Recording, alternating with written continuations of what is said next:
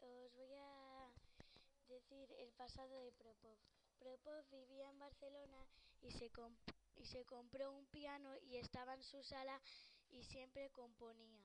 En 1973 se compró un perro que se llamaba Puffy.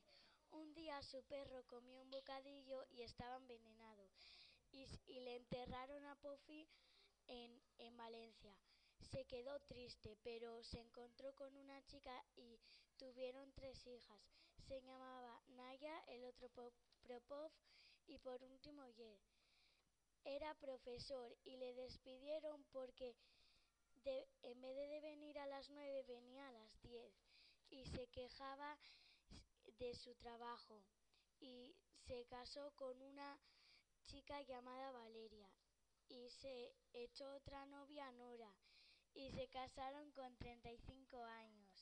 Nora trabajaba de profesora de música y se llevaban cinco años. Y esto es todo.